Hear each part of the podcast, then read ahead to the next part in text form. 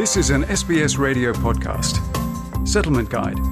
Information, issues, and stories about living in Australia.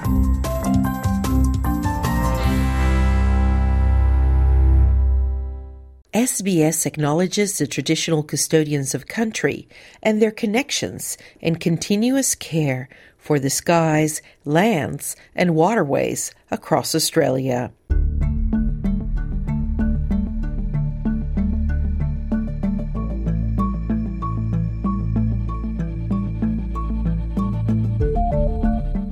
Hi there. G'day. And welcome to this episode of The Settlement Guide, a series where we help you navigate life in Australia. Whether you arrived today, have been living here for years, whether you were born in Australia or you're planning to move here shortly, this series is for you. My name is Claudiana Blanco, and I came to live in Sydney more than a decade ago, and I'm still learning about life down under every day. Today we will explore the importance of greening where you live.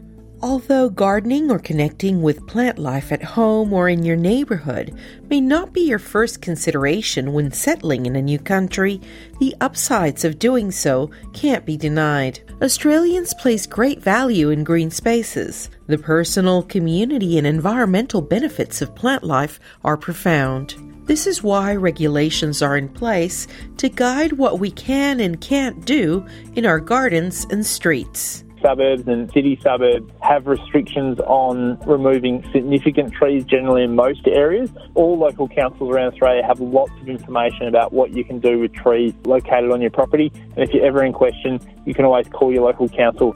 Let's get started.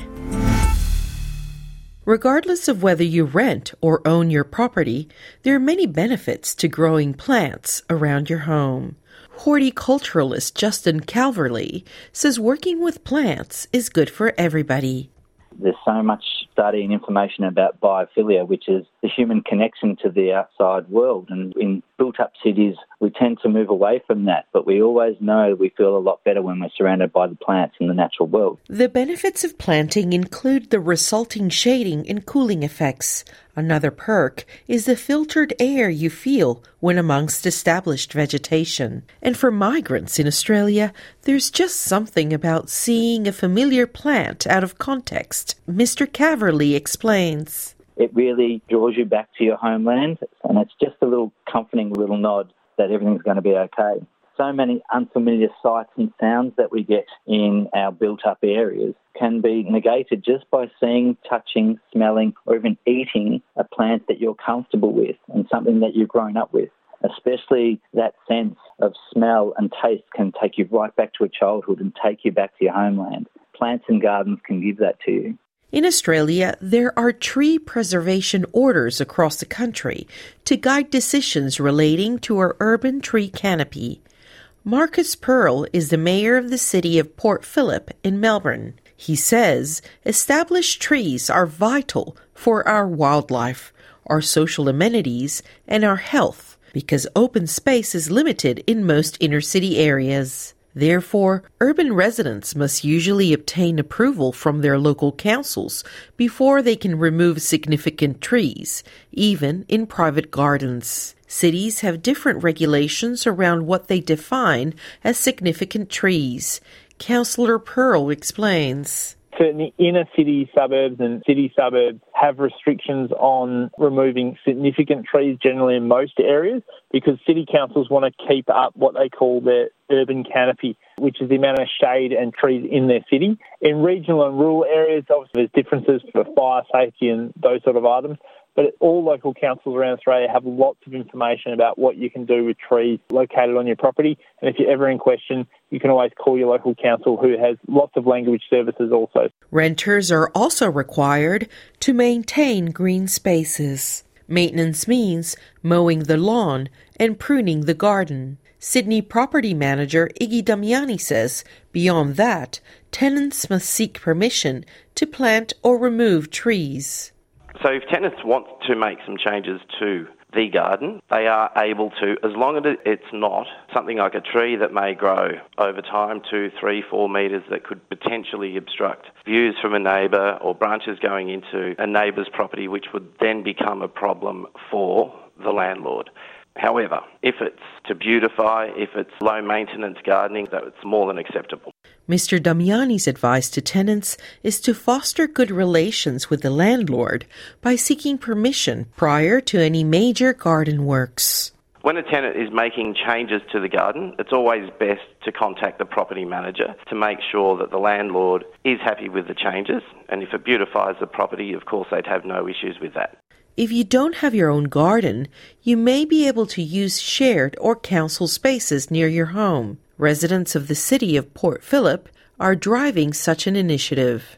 Councillor Pearl says, like many inner cities, Port Phillip has limited open space, so locals have begun cultivating fruit and vegetables and improving public spaces. What happened during COVID was quite fascinating. There was an explosion of people looking after their local neighbourhoods, and that included the land out the front of their houses or their apartments, which is the nature strip. So the amount of people wanting to contribute to nature strip gardens has increased substantially, and it came time for council to work out the balance between ensuring we've got the guidelines to encourage people to do that but also do it in a way that's safe and practicable for the general community. The council received a huge amount of feedback from residents who were very passionate about removing restrictions around planting in public spaces. Following community consultation, new guidelines were put in place to allow planting on the council's nature strips.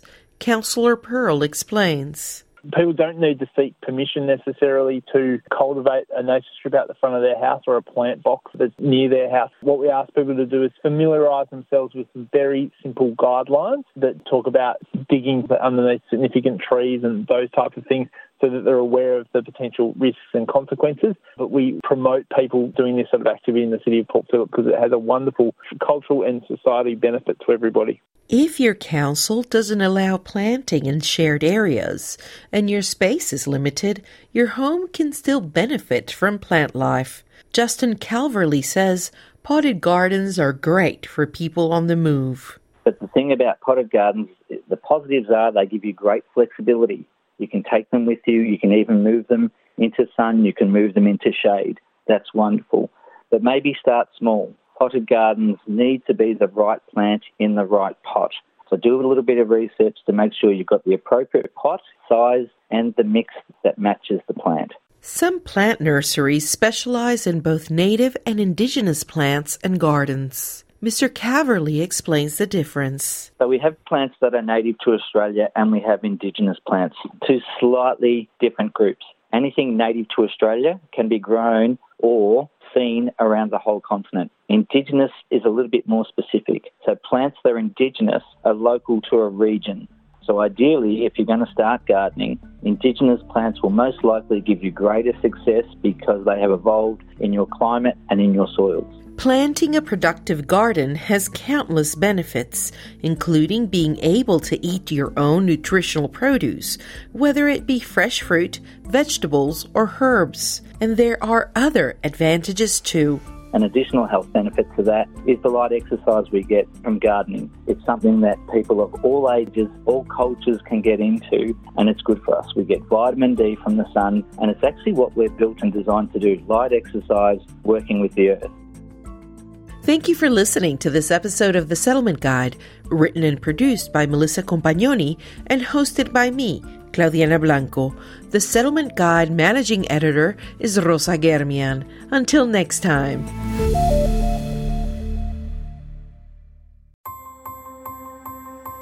This was an SBS radio podcast. For more Settlement Guide stories, visit sbs.com.au slash radio.